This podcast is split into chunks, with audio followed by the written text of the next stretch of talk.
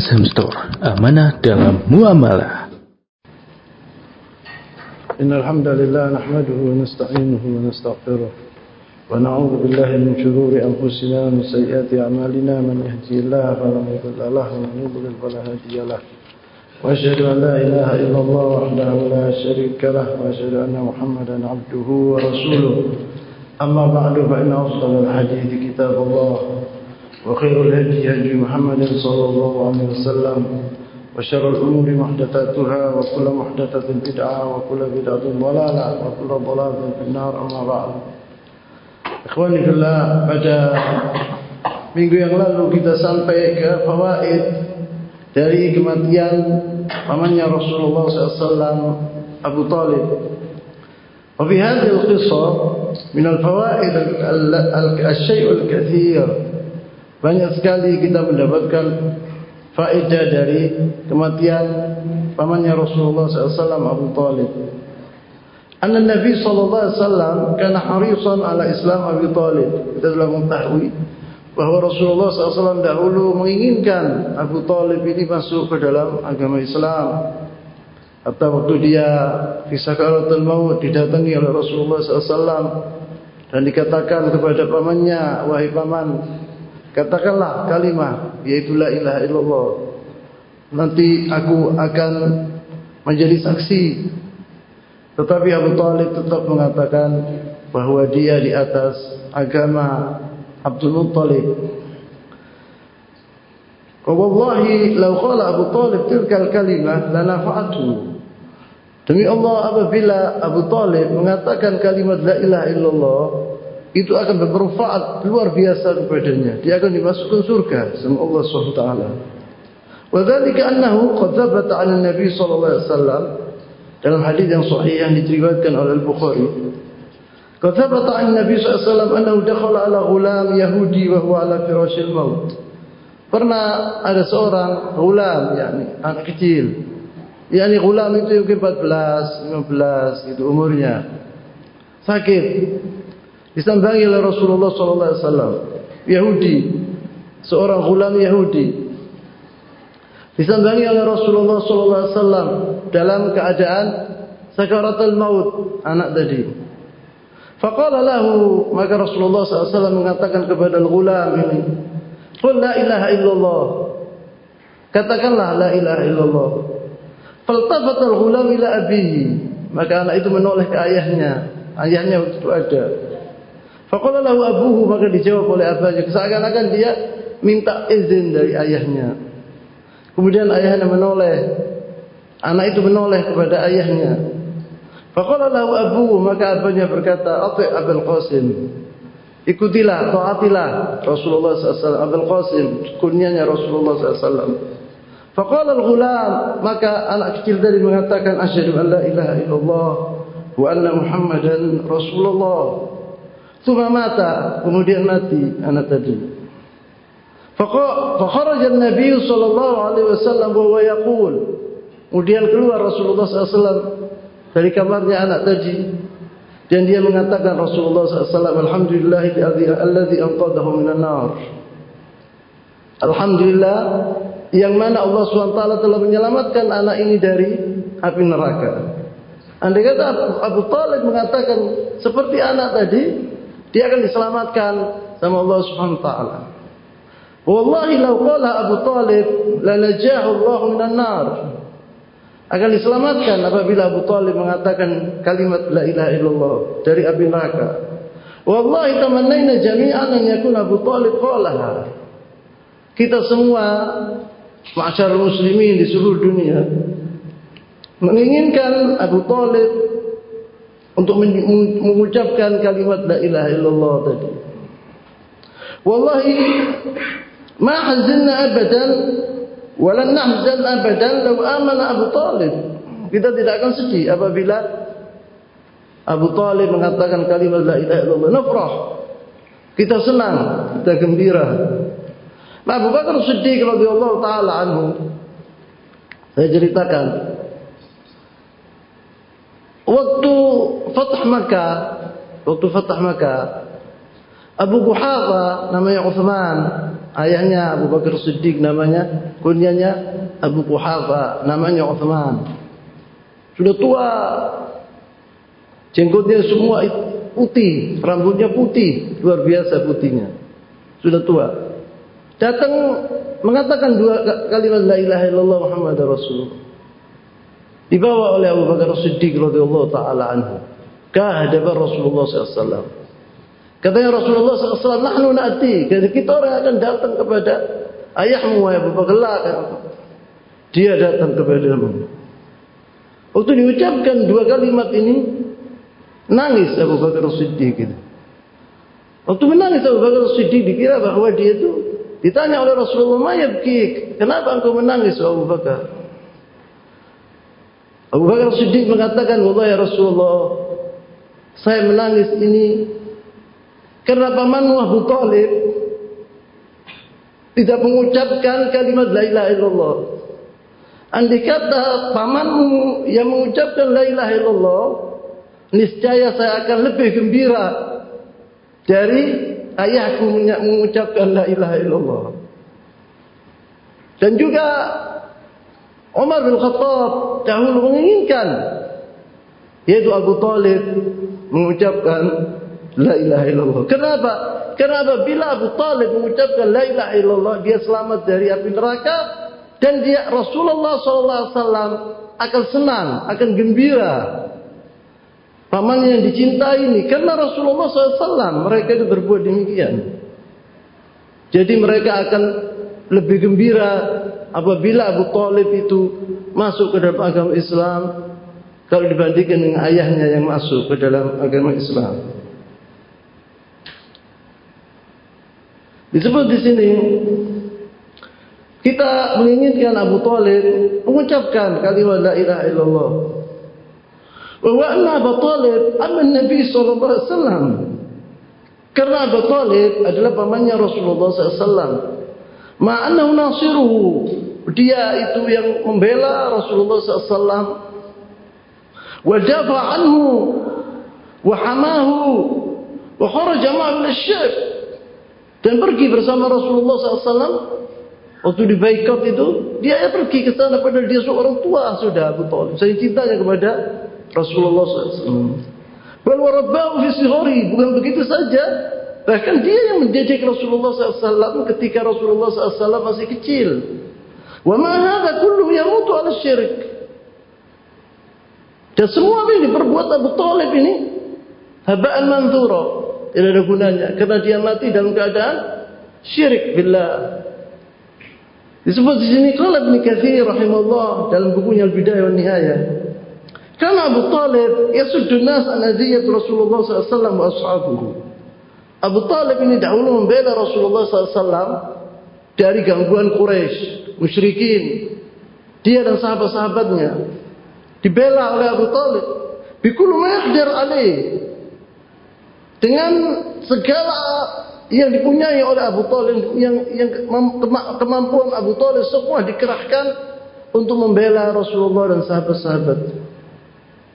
Min fi'alin wa maqalin wa nafsin wa mal fi'al perbuatan diperbuat oleh Abu Talib membela Rasulullah dan sahabat-sahabat dalam perbuatan dan ucapan dan harta dan jiwa. Abu Talib. Walakin hada lam yaqdir Allah taala lahu iman tapi walaupun semua itu yang diperbuat Abu Talib tidak ditakdirkan sama Allah taala agar dia masuk ke dalam agama Islam lima lahu ta'ala min al-hikmah al-'azimah wal-hujjah al-qati'ah al-balighah al-jamighah Di balik itu, itu ada hikmahnya dari Allah Subhanahu wa taala. Kita tidak mengetahui, Allah yang tahu. Allati yajib al-iman biha wa taslim laha. Kita harus beriman kepada al-qadar khairihi wa syarrihi. Harus kita tunduk dan kita terima apa yang datangnya dari Allah Subhanahu wa taala. Walaula ma nahana Allah anhu Apabila Allah SWT tidak melarang kami untuk beristighfar kepada orang-orang musyrik yang kita ketahui seperti Abu Talib itu Kita akan terus menerus akan meminta kepada Allah SWT, memohon kepada Allah SWT agar mereka diampuni dosa-dosanya kepada Allah SWT. Tetapi Allah melarang. Tidak boleh seorang muslim memberi apa? Meminta istighfar untuk diampuni dosa-dosa orang-orang musyrik itu. Wal gharib fi hadhihi al-qadhiyah, ini gharib. Ini semua ada hikmahnya di balik hal-hal seperti yang kejadian sama Abu Talib. Anak Abdullah bin Abi Umayyah, Abdullah bin Abi Umayyah kisah Rasulullah SAW yang datang dia bersama Abu Jahal dan mengaruhi mengaruhi Abu Jahal, uh, Abu Talib agar dia tidak mengucapkan la ilaha illallah. Abdullah bin Abi Umayyah ini misalan Rasulullah SAW. Ibunya, saudara ayahnya Rasulullah SAW. Alladhi syaraka ma'a Jahal fi mana Abi Talib min al-istijabah li amri Nabi SAW aslama amal fatah. Abdullah bin Abi Umayyah ini yang berbuat demikian kepada Abu Jahal agar dia tidak mengatakan Abu Talib tidak akan uh, tidak mengatakan kalimat la ilaha illallah itu dipengaruhi oleh Abu Jahal dan Abdullah bin Abi Umayyah ini. Dia masuk dalam agama Islam. Ditakdirkan sama Allah SWT bahawa orang ini minahil jannah. Dia masuk Islam amal fatah waktu fatah Makkah. Wa dzakaru annahu dan disebut bahawa Abdullah bin Abi Umayyah ini telah mati syahid fi Hunain, tapi bukan fi Hunain, khata' benar. Laisa fi Hunain walakin fi Taif. Setelah perang setelah kejadian peperangan fi Hunain dimenangkan oleh orang-orang muslimin waktu itu dengan kemenangan yang besar. Kemudian Rasulullah dan sahabat-sahabat yang menuju ke kota Taif. Dan dikepung kota Taif itu. Sebelum duduk kota Taif pergi ke di atas bukit. Bagaimana ya orang-orang muslimin dipanai orang-orang muslim. Ada yang mati di antara mereka di antaranya Abdullah bin Umayyah bin Makhzum ini mati syahid. Bukan di Ghazwat Hunain, walakin fi At-Taif. Waqad thabat waqad thabat anna Al-Abbas bin Abdul Muttalib ini semua yang saya ceritakan ini akhrajul Bukhari di Sahih Al-Bukhari. Waqad thabat anna Al-Abbas bin Abdul Muttalib pamannya Rasulullah SAW Al-Abbas bin Abdul Muttalib Qala Nabi sallallahu alaihi wasallam kemudian saya putus di sini sedikit. Al-Abbas bin Abdul Muttalib ini pamannya Rasulullah SAW. Waktu masuk Islam, sangat gembira Rasulullah SAW. Umar bin Khattab berkata, bahwa andai kata ya Rasulullah, Al-Khattab ayahku yang masuk Islam, sama Al-Abbas ini pamanmu masuk Islam, saya lebih gembira pamanmu masuk Islam. Karena Umar bin Khattab. Kemudian di sini disebut bahwa Al-Abbas ini pernah datang ke Rasulullah SAW wa qala lin Nabi wasallam ma ghanaita an ammik engkau tidak berbuat apa-apa ya Rasulullah kepada pamanmu Abu Talib Abu Talib ay Abu Talib fa innahu kana yahutuka wa yaqdhu lak dahulu kau dibela mati-matian dan marah gara-gara orang-orang Quraisy mengganggumu ويغضب لك فقال النبي صلى الله عليه وسلم masa tidak ada pertolongan darimu kepada Abu Talib maka dijawab oleh Rasulullah sallallahu alaihi wasallam faqala an-nabiy sallallahu alaihi wasallam wa fi dhahdahin min nar Abu Talib ini di api di, di, di neraka yang paling atas yang paling enak Abu Talib ini yakni azabnya paling ringan dari aku katanya Rasulullah SAW. Yang paling ringan itu bagaimana? Yaitu bahwa kakinya itu kena api sampai otaknya itu mendidih. Itu yang paling ringan. Dia di, di, di neraka fi dha'dha'in minan nar walaula ana lakana fi darkil asfali minan nar. Andai kata tidak ada aku katanya Rasulullah SAW, bukan gara-gara aku, dia niscaya akan masuk ke paling dalam di api neraka. paling dalam di api neraka. Nas'alullah tabaraka wa ta'ala al-hidayah wal afiyah.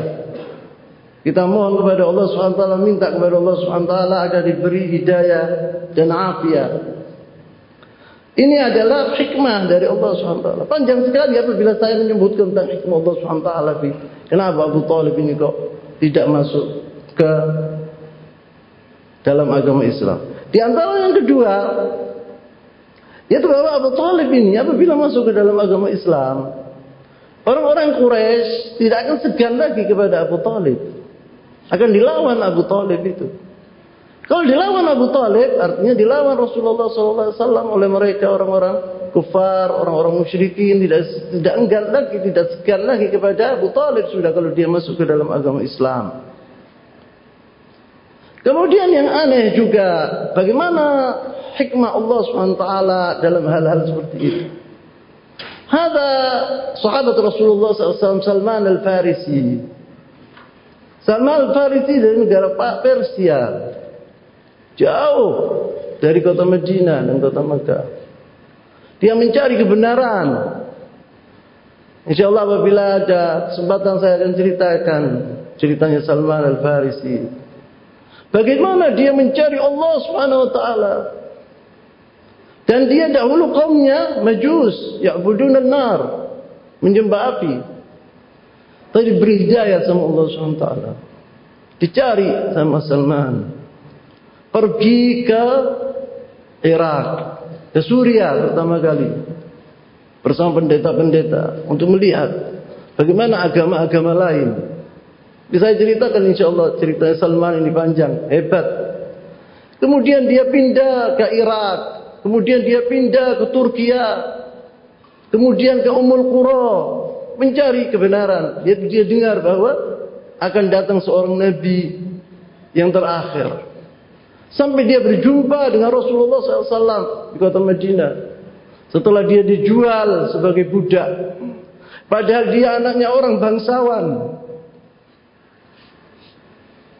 Kaya raya dahulu. Ditinggalkan semua itu. Mencari kebenaran. Maka diberi sama Allah SWT hidayah. Salman Al-Farisi. Dalam bukunya Al-Imam Ibn Qayyim Al-Fawaid disebut ini. Bedanya antara Salman Al-Farisi dan Abu Talib. Abu Salman Al-Farisi ini mencari kebenaran, mencari Allah SWT. Tidak mencari untuk dia anaknya orang bangsawan. Apabila ditanya Abu Talib, siapa namamu? Ini omongannya Ibn Qayyim.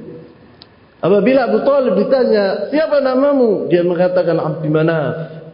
Dengan bangga. Berapa hartamu akan dihitung unta-untanya dan kekayaannya. Apabila Salman ditanya, kau anak siapa? Dia akan dijawab anak Ibn Islam.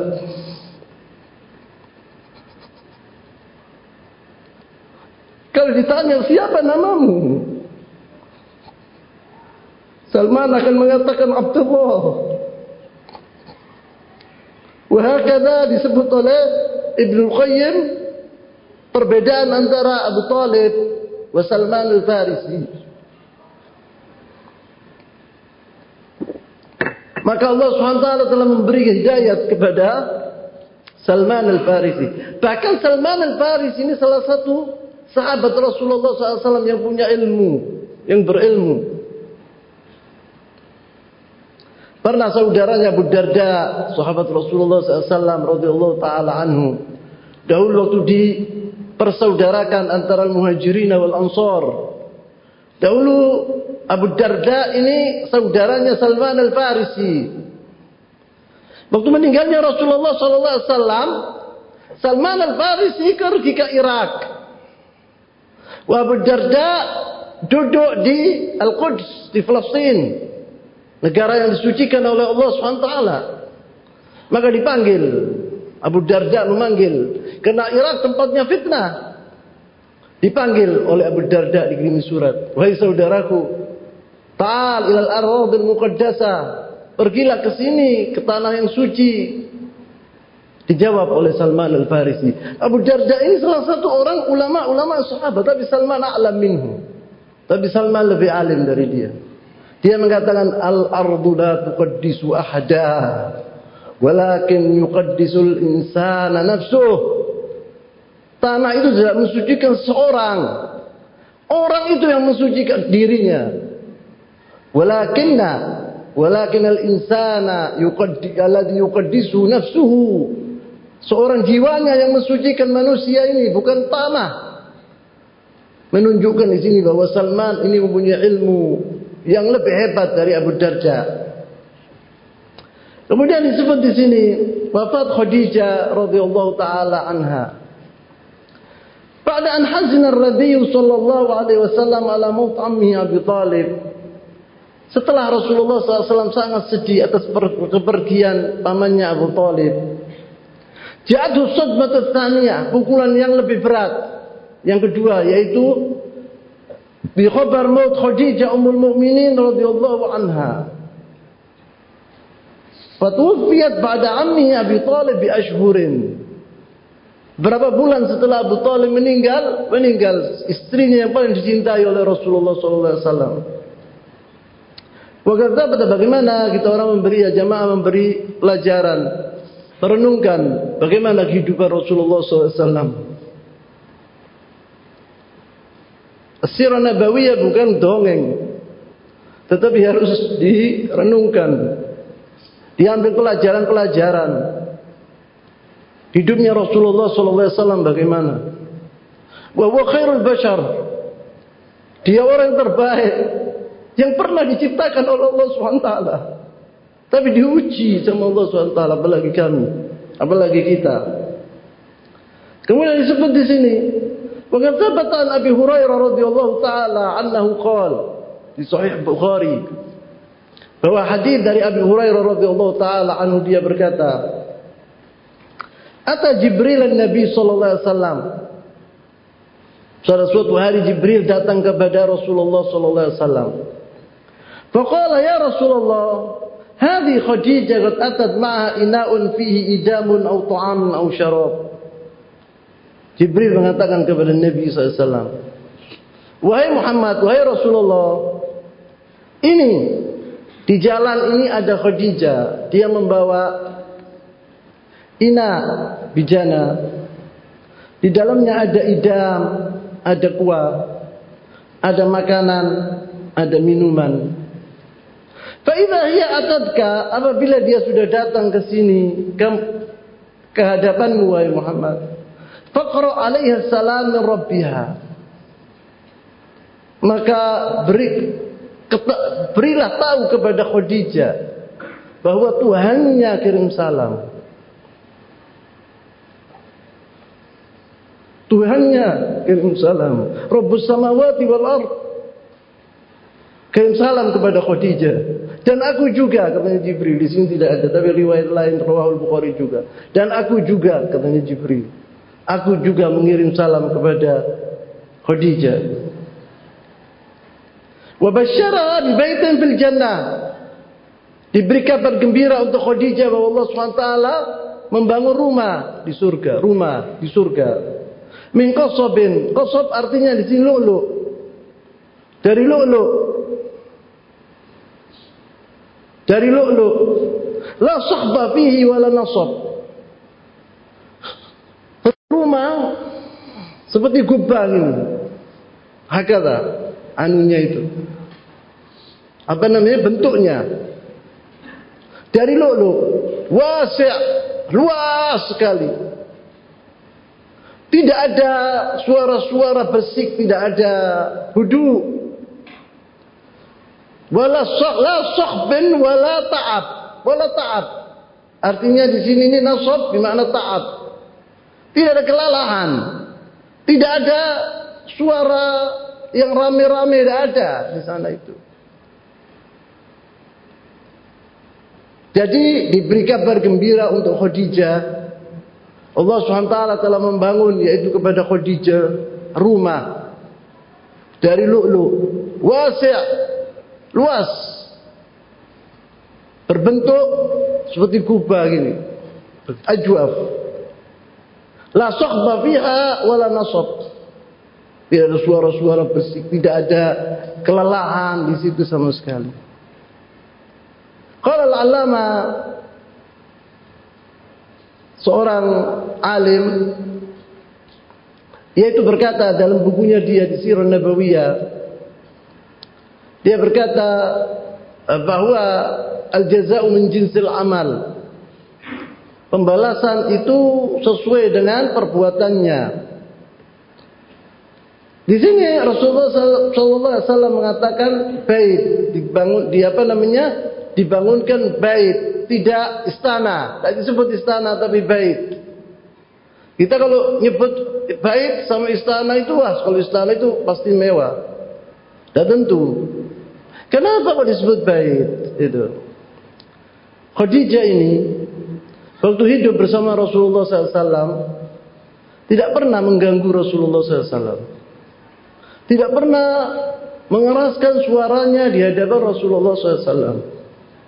Tidak pernah mengganggu Rasulullah SAW sama sekali. Bahkan menyenangkan Rasulullah SAW.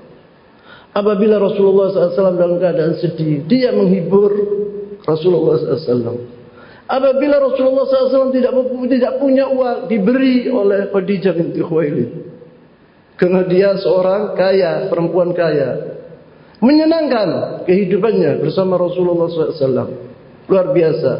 Maka dibalas sama Allah SWT. Al-jaza'u min jinsil amal. Dan tidak ada rumah islami waktu itu. Tidak ada rumah islami ketika Rasulullah SAW diutus sebagai Nabi. Tidak ada rumah islami seluruh dunia ini. Kecuali Bait Khadijah. Kecuali rumahnya Khadijah. Rasulullah SAW, Khadijah, Zaid bin Haritha membantunya Wali bin Abi Talib. Semuanya masuk ke dalam agama Islam. Al-Baitul Wahid yang tidak yang seluruhnya masuk ke dalam waktu itu waktu Rasulullah diutus sebagai nabi maka diberi oleh Allah SWT Khadijah yaitu karena dia tidak pernah mengeraskan suaranya terhadap di hadapan Rasulullah SAW dan Rasulullah SAW tidak pernah lelah sama sekali dibantu oleh Khadijah ini. Maka dibangunkan rumah, sebut rumah di sini bukan istana. Seperti rumah, dia dahulu rumahnya semuanya muslimin, maka diberi rumah sama Rasul. Bukan istana, rumah. Rumah ajwab. Syakil hakar ajwab itu, seperti kubah. Dari lu'lu' wasi' yakni luas La sahab tidak ada suara-suara di situ karena Khadijah dahulu tidak pernah mengeraskan suaranya di hadapan Rasulullah SAW. Wala ta'ab bila nasab karena dahulu dia selalu membantu Rasulullah SAW.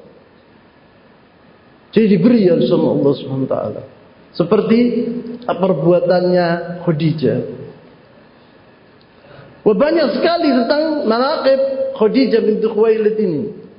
InsyaAllah nanti saya akan sebutkan satu persatu. Bagaimana cintanya Rasulullah SAW kepada Khadijah binti Khuwailid. Ad-da'wah Taif. Dan tahun itu, tahun waktu meninggalnya Abu Talib wa Khadijah binti Khuwailid, ahli sirah ahli sirah mengatakan am itu amal huzun. Bukan Rasulullah yang mengatakan amal huzun ini, tapi ahli sejarah. Amal huzun tahun yang menyedihkan buat Rasulullah SAW. Ad-da'wah fi Taif. Bagaimana perjuangan Rasulullah SAW untuk mendakwakan umat manusia ini untuk masuk ke dalam agama Islam. Bagaimana baiknya Rasulullah SAW. Bagaimana cintanya Rasulullah SAW kepada umat ini. Tidak pernah Rasulullah SAW duduk tidur nyenyak setelah diutus sebagai Nabi sebagai Rasul. Kulu amal, lail wa nahar. Disebut di sini, wa ba'da wafat Abi Talib wa wafat Khadijah radhiyallahu taala anha. خرج النبي صلى الله عليه وسلم من مكة إلى الطائف يدعو إلى الله تبارك وتعالى Dia pergi ke Taif, Rasulullah SAW untuk berdakwah di negara Taif. Artinya apa? Orang kalau keluar dari kotanya menuju ke kota lain, itu apabila dia ingin pulang ke kotanya yang dahulu tidak boleh. Seperti Rasulullah SAW ini sekarang keluar dari kota Makkah ke kota Taif untuk mendakwakan orang di sana agar masuk ke dalam agama Islam. Apabila Rasulullah gagal dakwanya di sana, kemudian dia ingin pulang ke Makkah tidak boleh. Dibunuh. Tidak boleh. Kecuali kalau orang pembesar Quraisy yang melindungi dia. Kharaja Nabi sallallahu alaihi wasallam min Makkah ila Taif yad'u ila Allah tabarak wa ta'ala فالنبي صلى الله عليه وسلم ظل تلك السنوات العشر في مكة يدعو إلى الله تبارك وتعالى Rasulullah selama 10 tahun berdakwah kepada Allah SWT mendakwakan orang-orang itu agar masuk ke dalam agama Islam di kota Makkah ثم رأى صلى الله عليه وسلم أن يخرج من مكة ويبدأ بالدعوة خارجها Rasulullah SAW berpikir bahwa orang Makkah selama 10 tahun yang masuk Islam hanya 100 lebih sedikit 150 100 sedikit Rasulullah ingin pergi ke kota lain. Mudah-mudahan kota lain itu bisa menerimanya.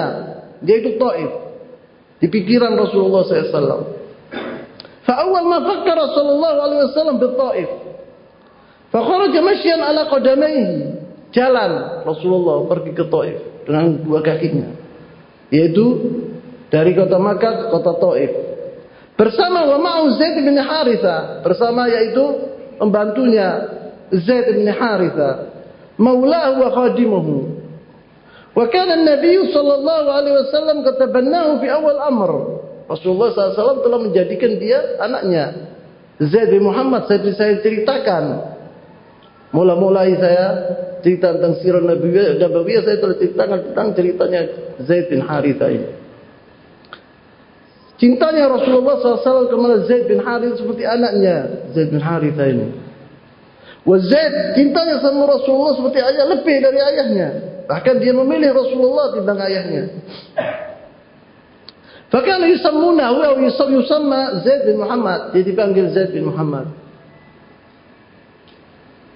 Hatta nazala qaul Allah tabaraka wa taala ud'uhum li abaihim.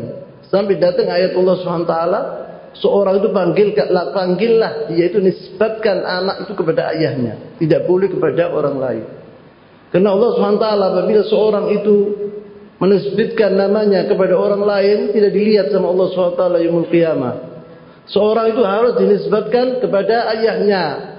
Zaid bin Haritha tidak boleh ke Zaid Muhammad. Waktu Rasulullah SAW memanggilnya Zaid bin Muhammad itu, itu sebelum Rasulullah diutus sebagai Nabi. Zaid bin Haritha ini tidak pernah sahabat Rasulullah SAW disebut di Al-Quran Al-Karim dengan namanya. Dengan namanya. Kecuali Zaid bin Haritha. Kecuali Zaid bin Haritha. Apa ayat itu? Falamma Falamma qada Zaidun wataran zawajnakaha. Disebut Zaid namanya terang-terangan. Disebut terang-terangan namanya Zaid. Abu Bakar Siddiq disebut sama Allah SWT tapi disebut bukan sahibi, tidak disebut Abu Bakar Siddiq. Thaniya thnaini idhuma fil ghar. Idh qala li sahibihi la tahzan inna Allah ma'ana. Dia sahibihi disebut tentang Abu Bakar Siddiq ini turunnya kepada waktu di hijrah, waktu di al-ghar, ghar ghar hira. Eh, di ghar thur, ghar thur. ولما وصل النبي صلى الله عليه وسلم إلى الطائف عمد إلى ثلاثة إخوة من رؤساء ثقيف waktu Rasulullah SAW sampai ke kota Taif Rasulullah SAW menuju kepada kepala-kepala mereka kota Taif Thalatha ikhwah semua saudara min ru'asa Thaqif Taqif ini kabilah duduk atau hidup di kota Taif. Penghuni kota Taif namanya Taqif. Taqif wa Hawazin. Dahulu adalah kabilatan ini dahulu di kota Taif. Namanya tiga saudara ini Abdi Yalail wa Mas'ud wa Habib abna Amr bin Umair Thaqafi. Dia orang dari bangsa Taqif. Wada'ahum ila Allah wa ila nusrati dini. Didatangi oleh Rasulullah SAW kepala-kepala ini disuruh oleh Allah SWT Rasulullah SAW agar mereka masuk ke dalam agama Islam. Faqala ahaduhum an nafsihi. Salah satu dari tiga saudara ini mengatakan dalam dirinya tentang dirinya, an nafsi tentang dirinya, innahu yumazzik thiyabil Ka'bah in kana Allah arsala Muhammadan wasallam. Dia mengatakan, andai kata Allah SWT mengutus Muhammad ini Rasulullah SAW, saya akan merobek-robek, yaitu pakaian Ka'bah. Di basil Ka'bah itu. Yang tidak percaya. Wakal al-akhar, yang kedua berkata, li Nabiillah SAW, kepada Rasulullah SAW. Ama wajad Allah ahadan ghairat. Apakah Allah SWT tidak mendapatkan orang kecuali engkau, wahai Muhammad? Rasulullah SAW khairul bashar khairu khalqillah dihina seperti itu sabar Rasulullah SAW tidak dijawab oleh Rasulullah SAW Waqala thalith yang ketiga berkata Wallahi la ukallimuka abadan in kunta rasula. Apabila engkau rasul betul-betul aku tidak akan berbicara kepadamu sama sekali. La anta a'zam khataran min an aruddu alayka bil kalam. Karena aku apabila engkau rasul saya tidak akan ngomong kepadamu. Karena aku kalau ngomong kepadamu itu adalah khatar bahaya. Man aruddu alaika bil kalam. Aku akan membantahmu dengan omongan. Karena itu rasul tak boleh dibantah kalau umpamanya engkau ini rasul wa in kunta tagrib apabila engkau berdusta Allah ma yang bagi an tidak pantas bagiku untuk berbicara kepadamu Hakada amala haula'i thalathan Nabi sallallahu alaihi wasallam bitilkal qaswa. Begitulah persaudara tiga ini telah bermuamalat kepada Rasulullah seperti itu dengan kejam. Wadzalikal istihza dan mengejek. Wa kharaja min baladihi wa dakhala ila balad huwa qarib fiha yad'u ila Allah tabaraka wa taala. Rasulullah sudah keluar dari kota Makkah, negaranya, kotanya, menuju ke Taif. Dia gharib tidak punya keluarga tidak punya tidak kenal satupun orang di kota Taif. Dia doa Allah tabaraka taala. Apa yang dikerjakan oleh Rasulullah SAW yaitu yad'uhum ilal khair didakwakan agama Islam ini kepada mereka agar mereka itu tidak masuk ke dalam api neraka. Agar mereka itu apabila mengatakan kalimat la ilaha illallah mereka akan dimasukkan surga. Itu Rasulullah SAW dahulu bagaimana dia haris ala hada. Untuk mendakwakan orang agar mereka itu tidak diadab di api neraka.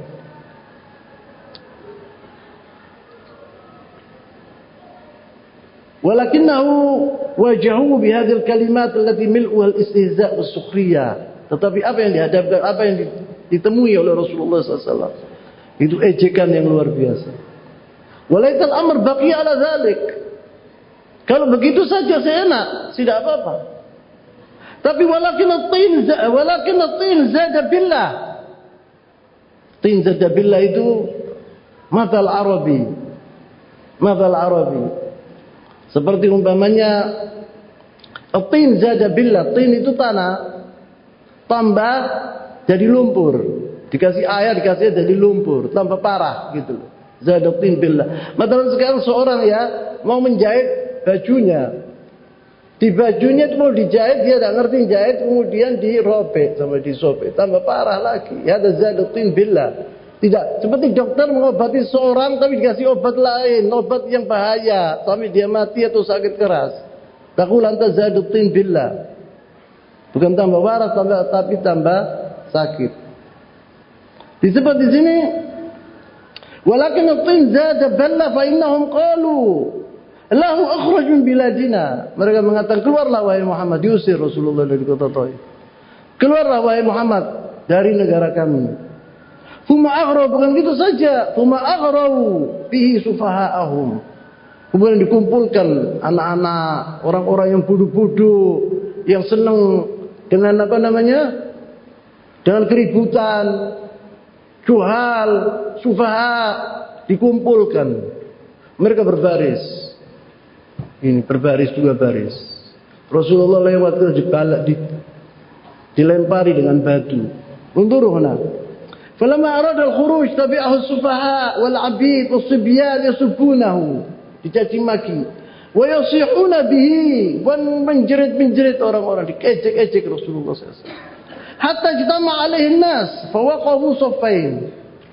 Wa ja'alu yarmunahu bil hijara wa bi kalimatin min as-safah hatta asabu awaqibahu sampai kakinya ini awaqib ini yang kaki yang yang di belakang ini keluar darah, bercucuran darah. Waqtadaba an-ni'al bid-dam. Artinya sandalnya atau sepatunya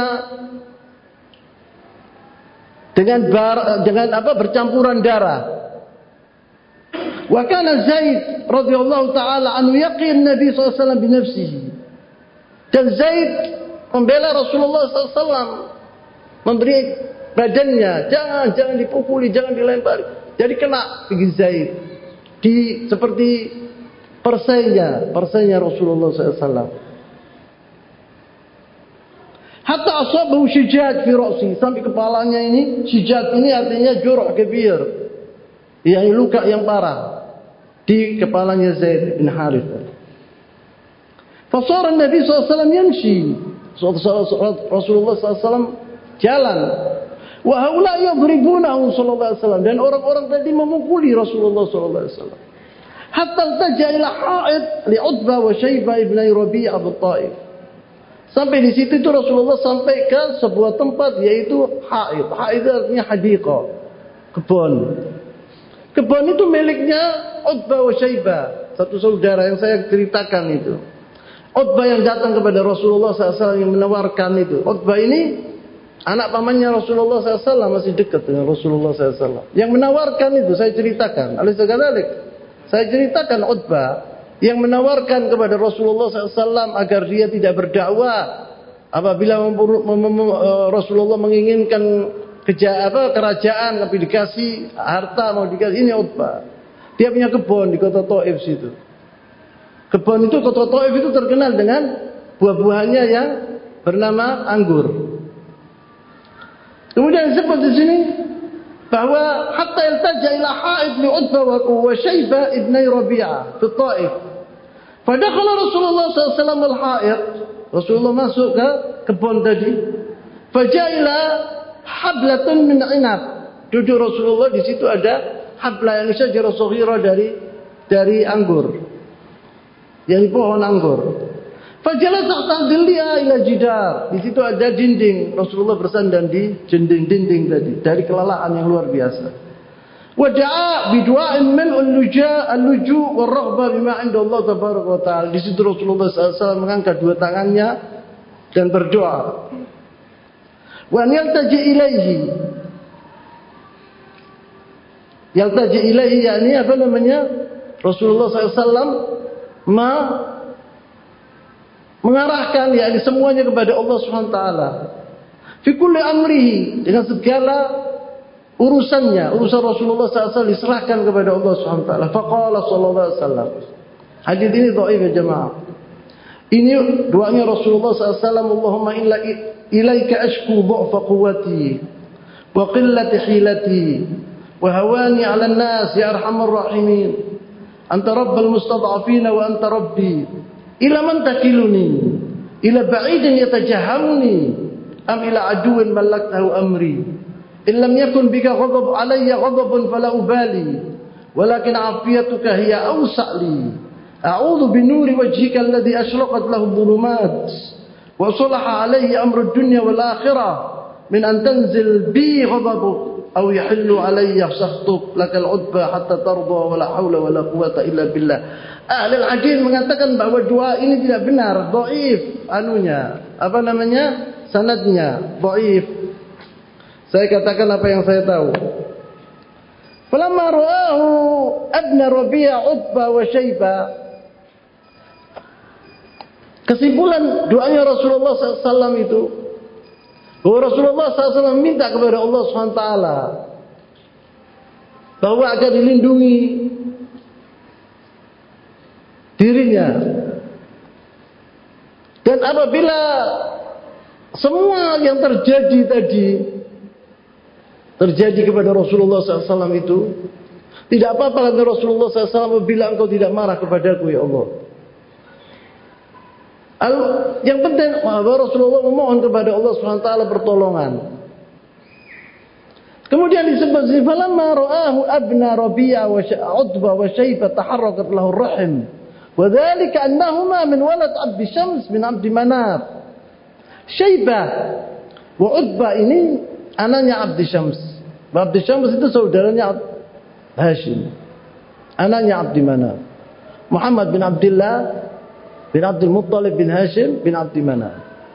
Wa ini juga anaknya Abdi Syams bin Abdi Manaf. Ya ini masih family. Iyal am. Anak paman. Taharrakat rihamu, rahimahu. Orang dua ini wa Syaibah waktu melihat Rasulullah dalam keadaan seperti itu kesian dia orang. Tak tega. Faqala kemudian fada'u ghulaman lahuma. Utbah wa Syaibah itu memanggil yaitu pembantunya bernama Addas bahwa Nasrani, dia orang seorang Nasrani. Yuqalu lahu Addas Wa qala lahu dan berkata kepada Addas orang dua tadi Syaibah Utbah itu. Khudh qatfan min min hadha al-'inab, khudh qatf qatfan min hadha al-'inab wa dhhab ila hadha ar-rajul. Ditaruh di piring itu apa namanya anggur, dibilang kasihkan ini kepada orang itu. Dikasihkan kepada Rasulullah SAW. Falamma jaa Adda Addas wada'ahu baina yaday Nabi SAW famadda yadahu sallallahu alaihi wasallam. Waktu diberikan piring anggur tadi kepada Rasulullah SAW, Rasulullah mengambilnya dengan tangannya. Dia dia syarifah. Wa qala bismillah. Rasulullah mengatakan bismillah, thumma akal. Kemudian dimakan oleh oleh siapa? Oleh Rasulullah SAW. Riwayat Ad-Das ini Ad-Das bukan Al-Haid waktu Rasulullah pergi ke Haid bukan. Ad-Das ini ada tulisannya. Yaitu Adas itu waktu mendengar Rasulullah SAW mengatakan Bismillah. Iran dia. Dia kata Ma'asana hadal kalam. Kata Adas dia Nasrani.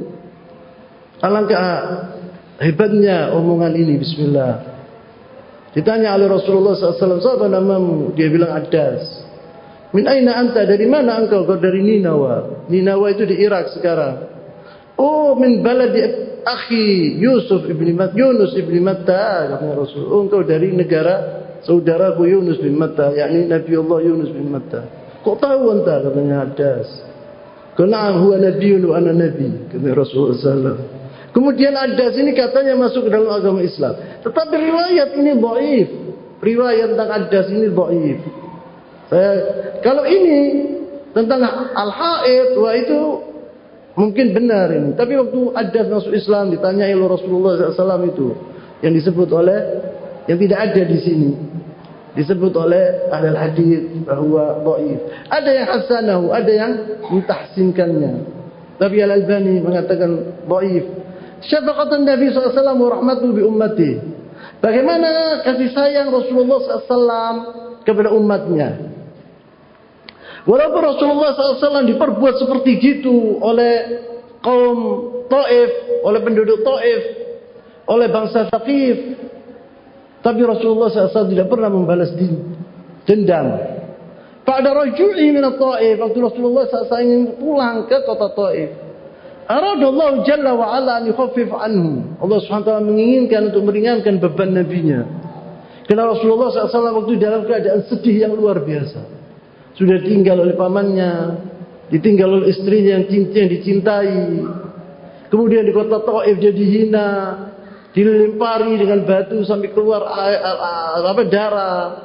Kemudian diejek, di, tidak diterima oleh pembesar-pembesar Taqif waktu itu. Dalam keadaan susah begini Rasulullah SAW menginginkan Allah SWT ingin meyukhaffif ala nabi meringankan kesedihan nabinya. Sudah adzan adzan dulu. Adzan dulu. Disebut di sini bahwa saya, saya, seperti saya katakan bahwa Allah SWT ingin meringankan beban nabinya sallallahu alaihi wasallam. Pada ruju'i min at-ta'if sallallahu alaihi wasallam arada Allah jalla wa ala yukhaffif anhu وأن يبين أنه معه عز وجل Dan Allah SWT ingin mengatakan kepada Nabi-Nya bahawa Allah bersamanya. Walakinnahu yaftali liyarfa' darajatahu. Dan Allah SWT memberi ujian kepada Nabi-Nya ini untuk diangkat darajatnya. Seorang itu apabila diberi oleh Allah SWT, apalagi seorang soleh, apalagi Nabi, apabila diuji itu artinya bahawa dia akan diangkat darajatnya sama Allah SWT. أخرج الإمامان البخاري ومسلم بسنديهما عن عروة بن الزبير عروة بن الزبير ini anaknya Zubair bin Awam saudaranya Abdullah bin Zubair tapi Urwah bin Zubair ini bukan sahabat tapi tabi'in min ulama tabi'in karena dia waktu lahir itu Rasulullah SAW sudah wafat atau dia masih kecil waktu itu bayi Ibunya Asma binti Abi Bakar Siddiq radhiyallahu taala anha. Urwah bin Zubair ini salah satu dari ulama at-tabi'in. Dari Urwah ibn Zubair anak Aisyah.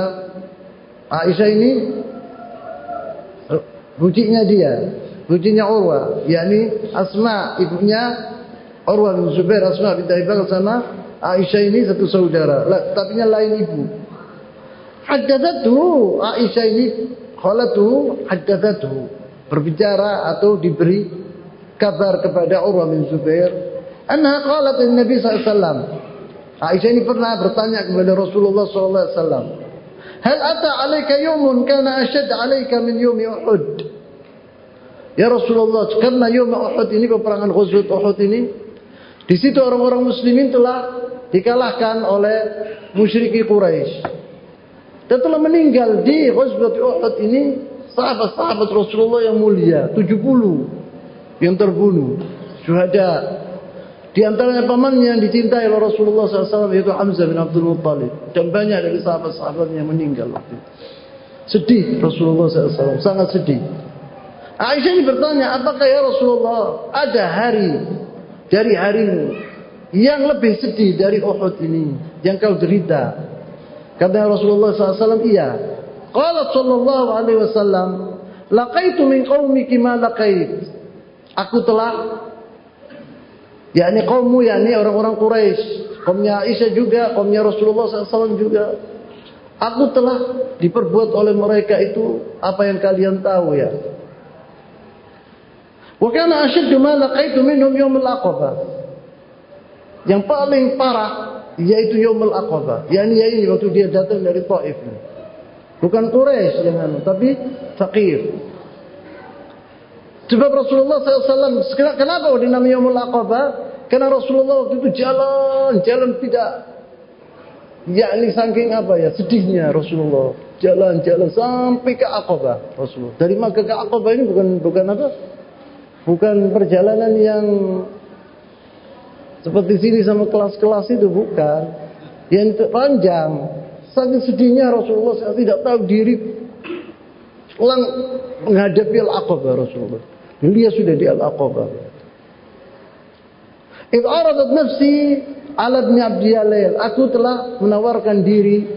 Aradtu nafsi ala ibn Abdiyalail. Dia ceritanya bahwa dia pergi Taif bertemu semua. Tiga saudara tadi. Abdiyalail falam yajibni ila ma aradtu. Mereka tidak mau menerima ajaranku atau ajaanku.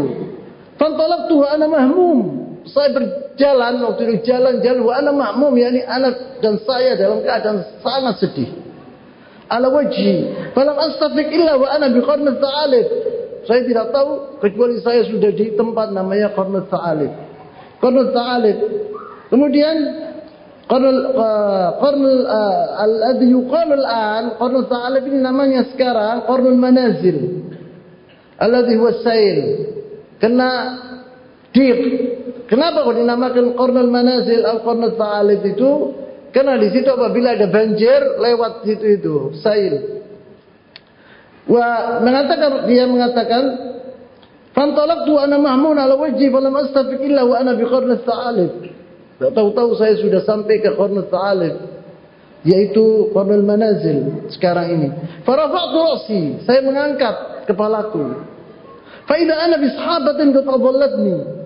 Saya melihat awan telah menaungi saya. Wa maradtu fanadartu fa idza fiha Jibril. Saya lihat ke atas saya melihat Jibril alaihissalam fanajani aku dipanggil oleh Jibril. Wa qala inna Allah tasmi'a qawli qaumika lak. Allah SWT telah mendengar dan telah mengetahui apa yang diperbuat oleh kaummu yaitu Abdi Yalil orang-orang apa? Pembesar-pembesar fakir tadi. Telah berbuat kepada Rasulullah apa Allah tahu. Wa maraddu alaik dan apa yang diperbuat oleh mereka. Waqad ba'atha Allah ilaika malakal jibal. Allah SWT telah mengirim yaitu malak malaika yang berkuasa tentang gunung-gunung ini. Bima syi'ta litamurahu bima syi'ta fihim. Agar engkau memerintahkan malaikat gunung ini apa saja dia akan mengatakan akan bertaat kepadamu. Fanadani malakal jibal. Maka malakal jibal memanggilku. Fasallama alayya. Saya mengatakan kepada salam kepada Rasulullah salam Assalamualaikum warahmatullahi wabarakatuh. Thumma qala ya Muhammad. Kemudian dia mengatakan, Wahai Muhammad, in syi'ta adbuk alaihimul akhsyabain. Akhsyabain ini dua gunung. Di Makkah itu ada dua gunung, dua gunung gini. Dan ini kota Taif di tengah-tengah. Andai kata wahai Muhammad engkau menginginkan aku membawa gunung ini sama gunung yang ini saya cepet mereka itu kota aku akan hancurkan kota-kota mereka dan penduduknya semuanya. Umur dan perintahlah aku. Aku akan melaksanakan semua yang kau ingin. Faqala an-nabi al-karim ar-rahim al-halim al-mushfiq ala ummatihi sallallahu alaihi wasallam.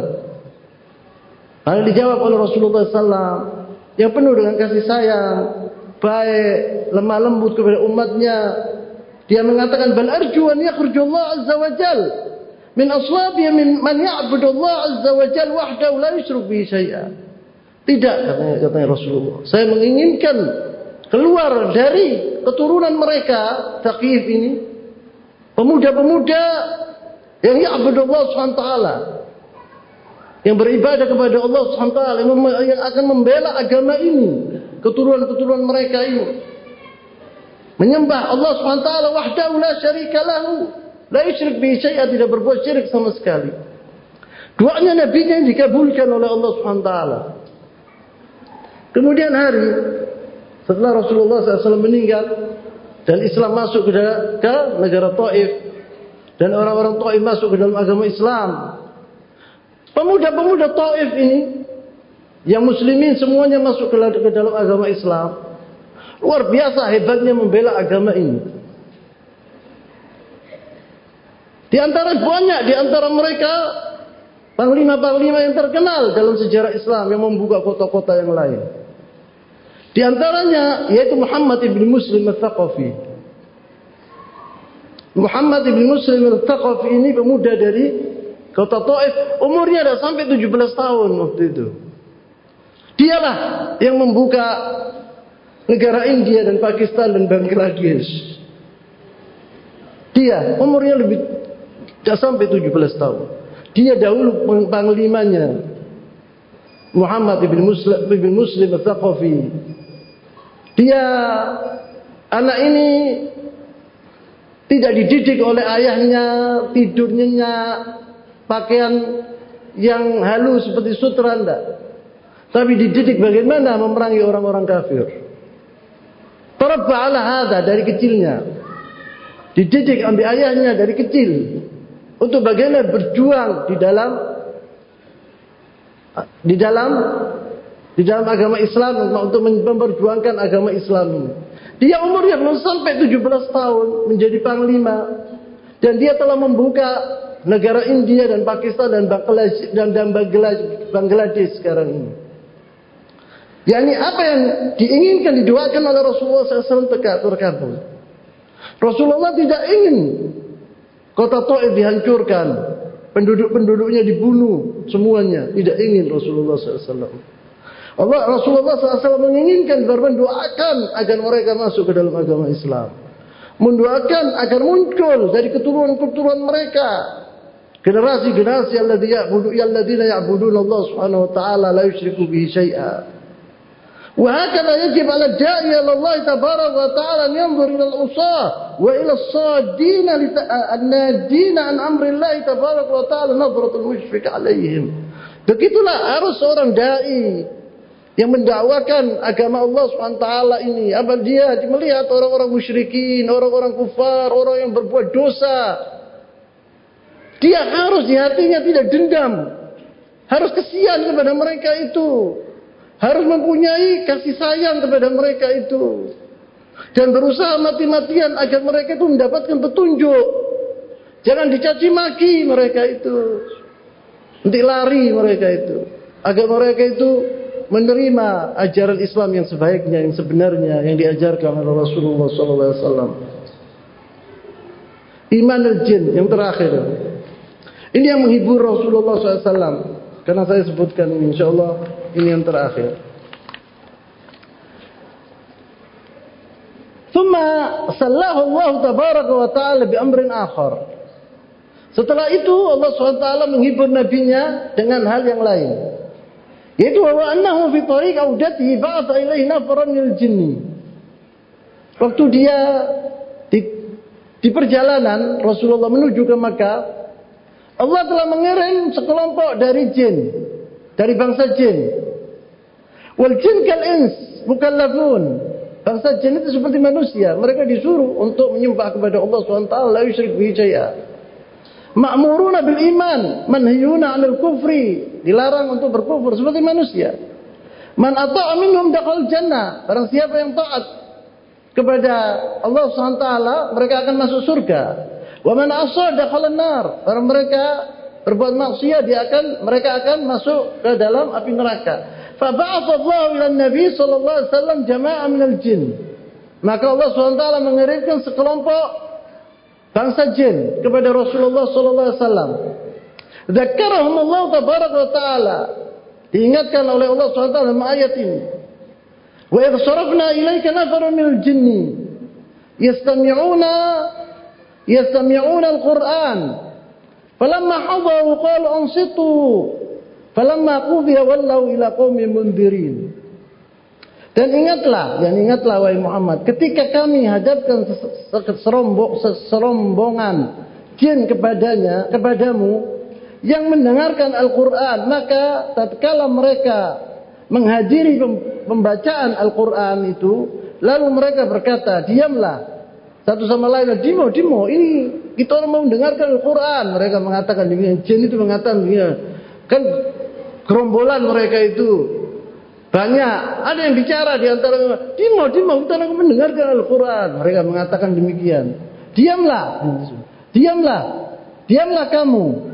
Kita uh, ketika pembacaan telah selesai mereka kembali kepada kaumnya untuk memberi peringatan. Waktu setelah mereka mendengarkan Al-Quran Al-Karim mereka pulang ke negara mereka dan memberi peringatan kepada kaumnya. Mereka mengatakan apa Qalu ya qaumana Inna sami'na kitaban unzila min ba'di Musa musaddiqan lima baina yadayhi yahdi ila al-haqqi wa ila tariqin mustaqim. Mereka berkata, wahai kaum kami, sungguh kami telah mendengarkan kitab yang Al-Quran yang diturunkan setelah Musa alaihissalam membenarkan kitab-kitab yang datang sebelumnya membimbing kepada kebenaran dan kepada jalan yang lurus. Mereka mengatakan demikian. Yang cincin yang mendengarkan Al-Quran ini telah beriman kepada Allah SWT. Telah beriman dengan Al-Quran ini waktu mereka mendengarkan.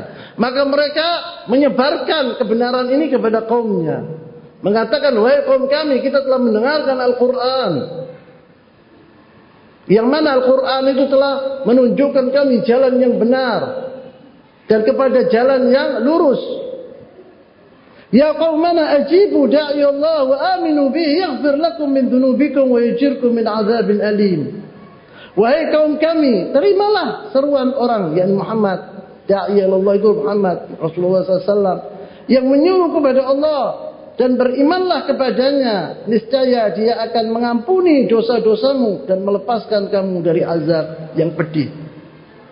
Maka ini suatu hiburan kepada Rasulullah SAW apabila kabilat Taqif tidak menerima ajaran Islam. Ini sekelompok jin menerima agama Islam. Hakada arsalallahu tabarak wa ta'ala nafara minal jin. Ka'annahu yaqulu Nabi sallallahu alaihi wasallam. Begitulah Rasulullah SWT mengirim sekelompok dari bangsa jin. Seakan-akan Allah mengatakan kepada Rasulnya, In kana ahzanaka kufur ahli Makkah wa kufur ahli Taif. Apabila kekufuran ahli Taif wa kekufuran ahli Makkah menyedihkan dirimu wahai Muhammad. Wa idza'uhum lak dan mereka telah mengganggumu. Fakat arsalallahu tabaraka wa ta'ala ilaika man amana bibnil jin. Allah SWT telah mengirim kepadamu sekelompok dari bangsa jin untuk beriman kepadamu, beriman kepada Allah SWT. Wahadi la syakka tufrah Nabi SAW wa tusriduhu. Dan ini, kabar ini, hal seperti itu, tidak bisa diragukan lagi kecuali kabar yang sangat gembira buat Rasulullah SAW. Hiburan buat Rasulullah SAW.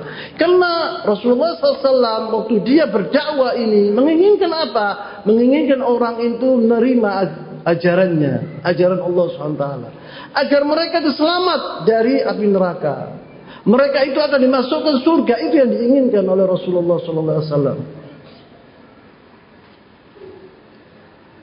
Insya Allah pada pengajian atau minggu yang akan datang kita akan mulai dengan audatuhu Rasulullah SAW ila Makkah. Kembalinya Rasulullah SAW ke kota Makkah.